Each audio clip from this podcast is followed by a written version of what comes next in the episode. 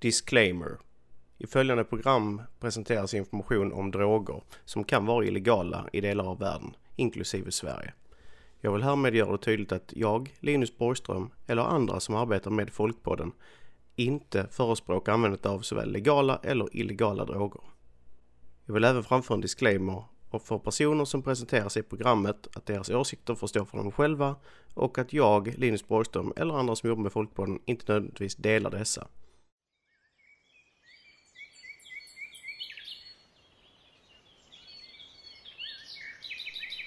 I sin bok Symbolet fondamenteux de la science sacrée skriver den franska filosofen René Guénon om en förlorad visdom och dess bevarande på följande vis. Vi lever i degenererade tider, i slutet av en lång cykel då spirituella sanningar har en tendens att falla i glömska. Där uråldriga centra för visdom är förstörda och visdomens väktare, likt det som vaktar den heliga graal, är krossade och utspridda. I sådana tider kan man finna den andliga sanningen i säkert förvar i form av folktro. Placera kunskapen som är hotad i en form av symbolisk kod, en folksaga och ge den till folket. Det kommer att bevara den utan att förstå dess sanna mening, endast med intresse för dess ytliga historia.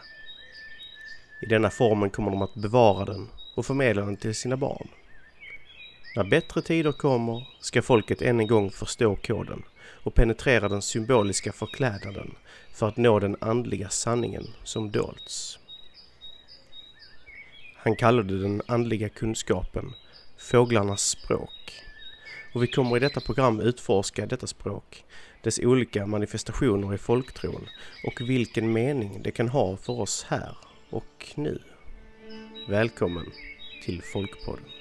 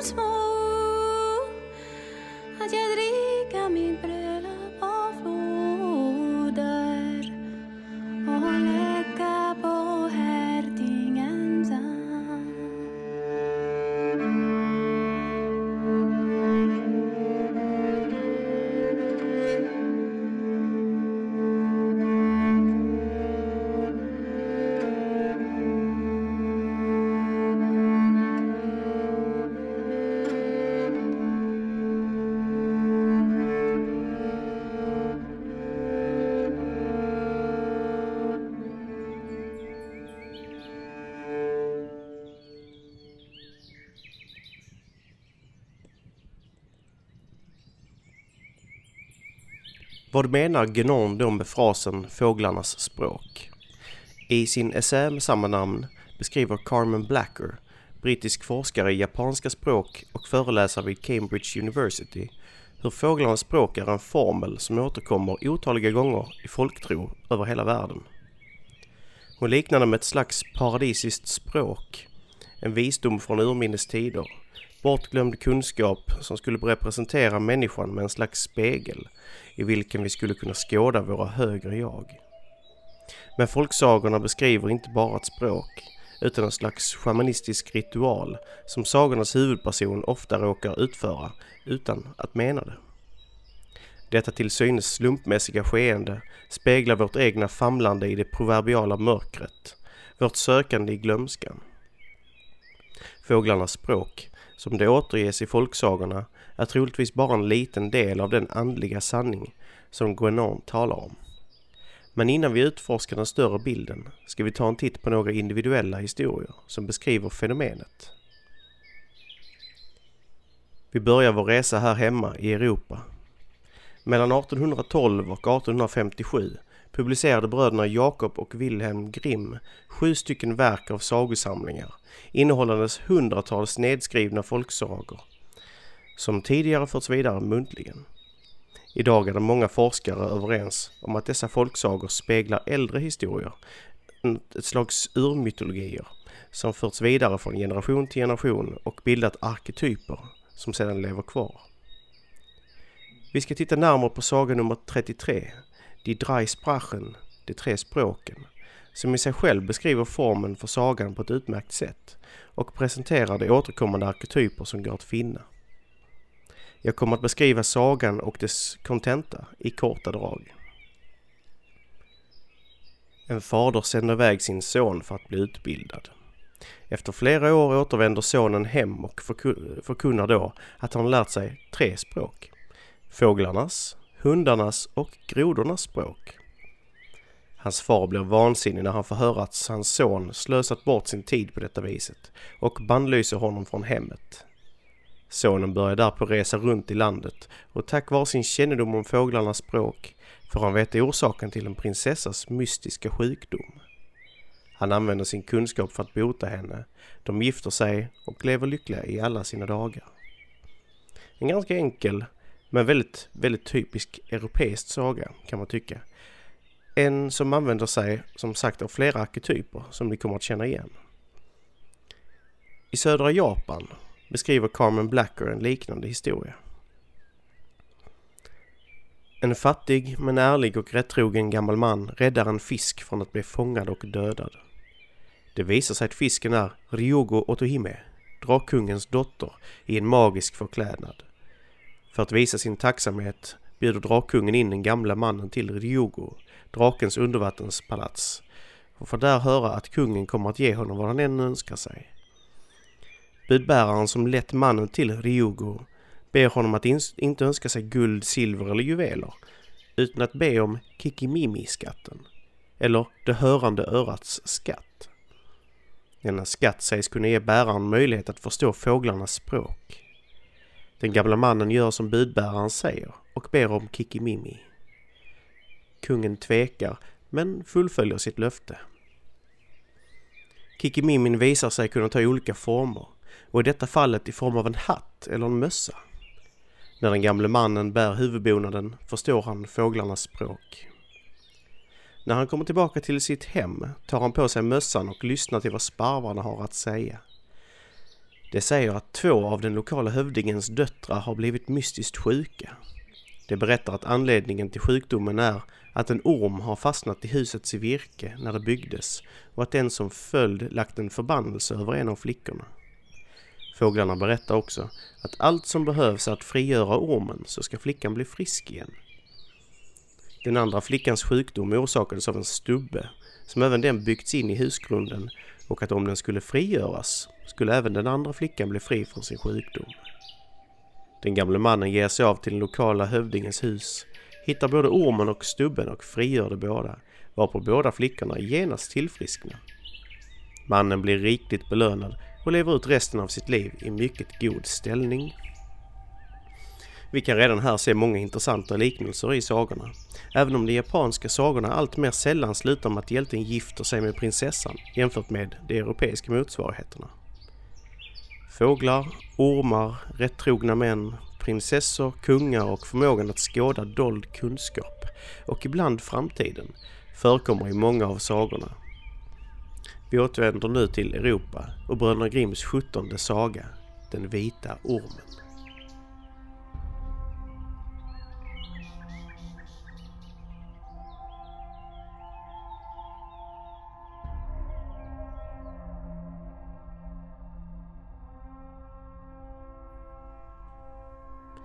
Det var en gång en kung som var vida känd för sin extraordinära visdom. Han tycktes veta allt ha kännedom om framtida händelser och hemligheter som var dolda för alla andra. Men han hade en mycket märklig vana. Varje dag efter sin lunch bad han sin mest pålitliga undersåte att föra in en sista tallrik som var noggrant täckt med en duk. Ingen, inte ens undersåten, visste vad som fanns på tallriken då kungen endast avlägsnade duken när alla lämnat rummet. En dag kunde inte undersåten hejda sin nyfikenhet utan lyfte på duken för att se vad som fanns på tallriken och fick se en vit orm. En märklig känsla, en förmaning kom över honom att äta ormen. Han skar av en liten bit av ormen och svalde den. Med omedelbar verkan kunde han höra märkliga läten utanför fönstren och insåg snart att det var sparvarna som talade. Han kunde förstå deras språk och han förstod nu att ätandet av den vita ormen hade gett honom makten att förstå just fåglarnas språk. Den ganska långa sagan fortsätter sedan att beskriva den forna undersåtens äventyr där han söker lyckan och använder sin nyfunna kraft för att hjälpa tre fiskar, en myrkonung och tre korpar som visar sin tacksamhet genom att bana väg för den nyblivna hjälten att gifta sig med den vise kungens dotter. Vi ser än en gång samma arketyper. Den ödmjuka hjälten eller undersåten som får kraften att förstå fåglarnas språk genom att äta en vit orm. Att han gör detta i någon annans ställe varpå han genom denna kunskapen kan gifta sig med prinsessan eller finna skatten. Men vi finner även dessa former, formler representerade i nordiska och keltiska hjältekväden. På Irland talas det om hjälten Finn, son av Kumail. Finn vandrade genom Irland när han en dag närmade sig floden Boyne och fick se en gammal man fiska där. Den gamle mannen hade kommit till floden sju år i rad med hopp om att fånga en av de magiska kunskapernas laxar som simmade i floden. Dessa laxar hade en gång för länge sedan ätit nötter från nio magiska hasselträd som fallit ned i brunnen vid flodens källa och därmed erhållit deras kunskap. Den gamle mannen hoppades att han genom att äta en av dessa laxar får ta del av deras kunskap, men än hade han inte fått napp. Finn blev mannens tjänare och väldigt snart fångade han en av de fantastiska fiskarna fast Finn själv inte hade någon kännedom om dess magiska egenskaper. Den gamle mannen sa åt Finn att koka fisken, men han fick inte under några omständigheter äta den. Men då Finn kokade laxen råkade han doppa tummen i buljongen och stoppade den så i munnen. Omedelbart fylldes han av alltings kunskap, däribland även kunskapen om fåglarnas språk. Finn skulle senare bli känd som en av Irlands största hjältar, men den gamla mannen aldrig fick ta del av laxens magiska egenskaper. Även i skotska höglandet återfinns liknande motiv, nedtecknade av J.F. Campbell på 1860-talet. En herde vid namn Farquhar drev sina, kre sina kreatur från Skottland till England med en stav av hasselträd i sin hand. På vägen mötte han en doktor som det snart visade sig vara synsk och en magiker. Doktorn sa då till Farquhar att återvända till hasselträdet från vilken han skurit sin stav. Och där skulle han vänta tills sju ormar kravlat upp från dess rötter. Han skulle låta de första sex passera, men fånga den sjunde och föra den till doktorn. Herden gjorde som han blivit ombedd. De första sex ormarna var bruna, men den sjunde var vit. Han förde den till doktorn och tillsammans gjorde de upp en eld och kokte ormen. Men av en olyckshändelse Dropp, doppade herden sitt finger i grytan, brände sig och stoppade det sedan i munnen. Genast fylldes han av alltings kunskap och även den, den om fåglarnas språk, men den stackars doktorn, likt den gamla mannen som fiskat i floden Boyne, aldrig fick ta del av magin. Det var istället herden Farquhar som blev en framgångsrik doktor och en vis man. Men det är i vår fornnordiska och germanska sagoskatt vi finner en av de mest kända hjältarna, vars öde styrts av fåglarnas språk, nämligen Sigurd Fafnesbane. Denna saga som ligger till grund för otaliga andra sagor och verk, inklusive Wagners opera Ring der Nibelung och Tolkiens Bilbo, berättar hur hjälten Sigurd besegrar draken Fafner på Gnitaheden efter att ha stuckit draken med sitt svärd varpå den stora skattebeskyddaren slutligen dör. skär Sigurd ut drakens hjärta för att tillaga det på elden. Dvärgen Regin, som varit försvunnen under slaget mot Fafner, återvänder bak Sigurd, Sigurds rygg.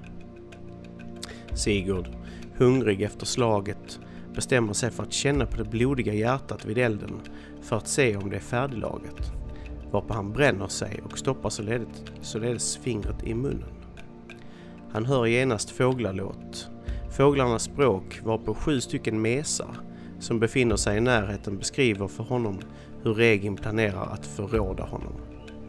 Sigurd skiljer Regins huvud från kroppen och förtär även hans hjärta tillsammans med Fafners. Fåglarna får fortsätta att förtälja hur Sigurd ska rida i Fafners spår och där finna en hornklädd mö, en prinsessa. Återigen ser vi samma motiv som i de andra sagorna, som alla tycks peka på ett äldre urmotiv, ett gemensamt ursprung någonstans i urminnes tider. Men var kan vi då härleda detta gemensamma ursprung? Var kommer de vita ormarna ifrån? Var kommer fåglarnas språk ifrån? Vem har upplevt detta så länge sedan att det sedan nedtecknas i sagor och beskrivits som en positiv, om än stundtals slumpmässig föreställning? Kanske har det sina rötter i uråldrig shamanism och användandet av medvetandeförändrade växter som ayahuasca och flygsvampen Amanita muscaria. I sin bok Otherworlds beskriver David Luke de upplevelser han själv och tusentals andra haft under preparatens influenser.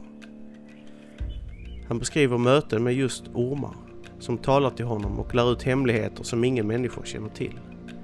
Han får uppleva världen bakom kulisserna, där allt tycks ha en gemensam källa trots att den fysiska manifestationen tar olika uttryck. Den aktiva ingrediensen hos flera av dessa växterna har upptäckts vara den vi känner idag som DMT och forskningen gällande detta ämne som finns naturligt förekommande i kroppen, om än i mikroskopiska doser, är fortfarande i sin linda. Författaren Graham Hancock, som själv utforskat användandet av dessa preparat, beskriver själv i en intervju hur han ser på sambandet mellan mystikerns och schamanens användande av preparat för att få kontakt med makter som existerar i en annan verklighet, ofta beskriven som verkligare än verklig. Han beskriver även hur det är en resa som ej ska göras lättvindigt. Ayahuasca journey is uh, a complex and difficult process. First off, there's the physical effects. Uh, ayahuasca is a beverage. It's a it's it's it's, it's a brew, and it's it tastes uh, is absolutely disgusting. It is it is hard to imagine a more horrific and unpleasant taste. Um, and you have to brace yourself physically and mentally uh, before pouring this beverage uh, down your throat. Uh, I, I, certainly do. It's very, very, very hard work. Um, secondly, within about half an hour to an hour of drinking the brew, most of us start to feel pretty ill.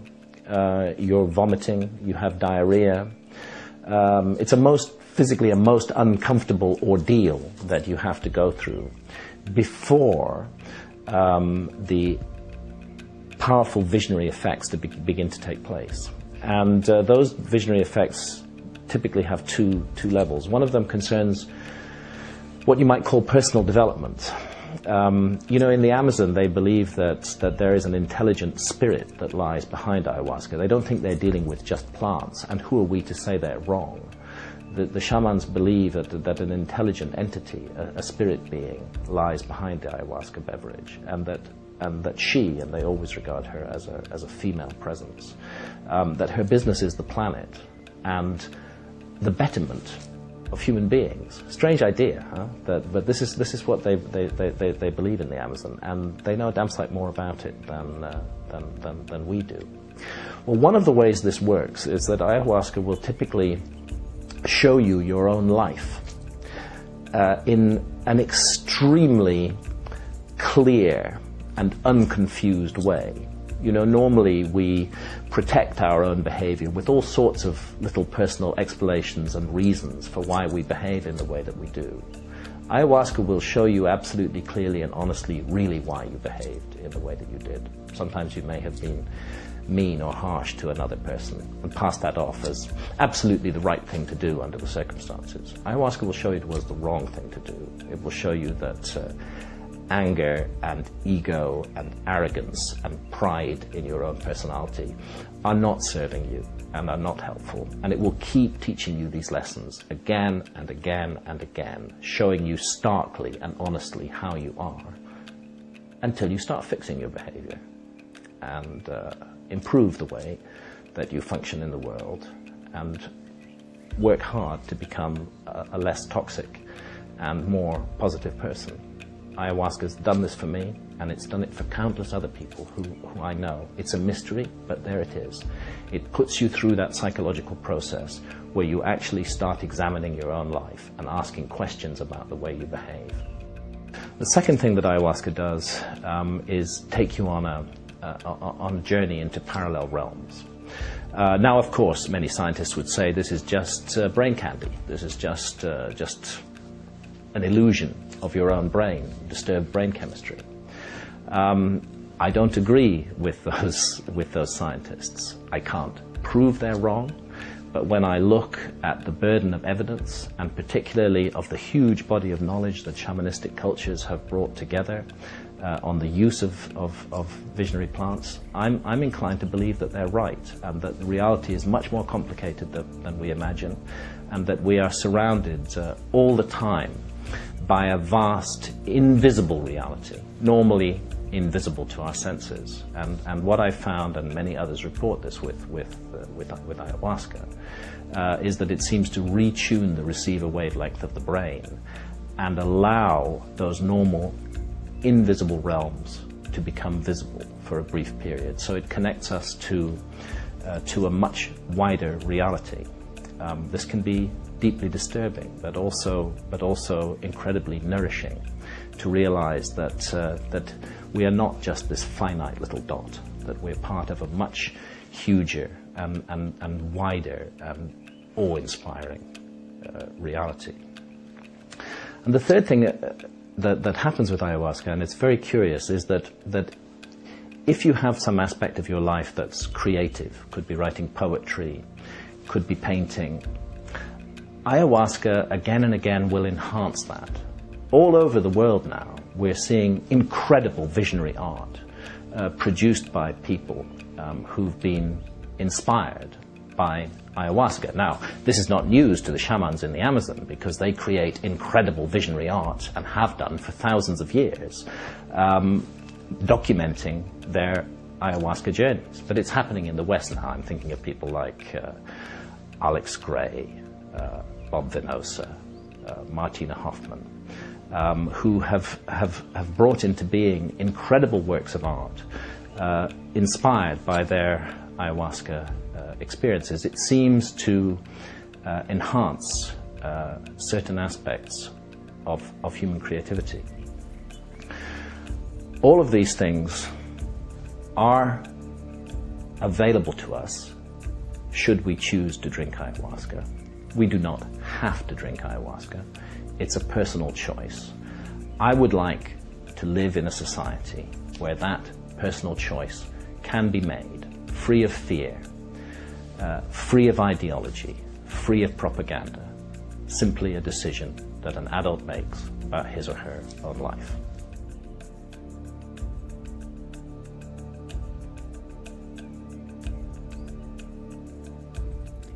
Kan DMT, ayahuasca, flygsvamp eller intagandet av opioidinducerat mjöd, som vi vet används i många delar av världen där indoeuropeer dragit fram, vara roten till Sigurds drakblod? Kan shamanens resor genom sitt inre beskriva ett möte med den vilande kunskap vi alla bär inom oss? Shamanens resa är inte utan faror, precis som våra hjältar i sagorna som ofta får möta motstånd.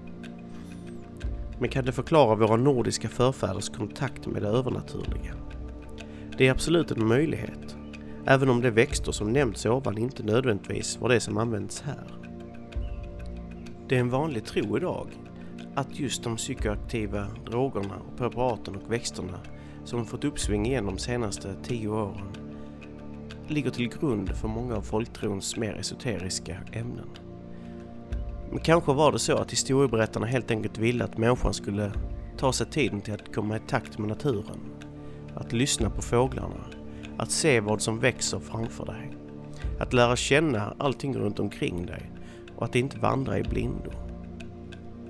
Detta är en långt mer trolig anledning till sagorna och en långt mer trolig rot. Även om den mer metafysiska aspekten är helt klart intressant. Men det finns andra sätt att få kontakt med väsen och makter och att förändra sättet som man upplever världen på. Genom meditation och disciplin har skandinavier under årtusenden skådat framtiden, botat sjukdomar och till och med, sägs det, i folktron, rest de döda från graven. I kommande avsnitt kommer vi att undersöka några väldigt specifika fall där allmogens förundran inför det övernaturliga manifesterat sig i en slags lokal prästklass. Den kloka gubben, eller den kloka kärringen. En relik från heden tid och hur arvet från dessa människor lever kvar än idag.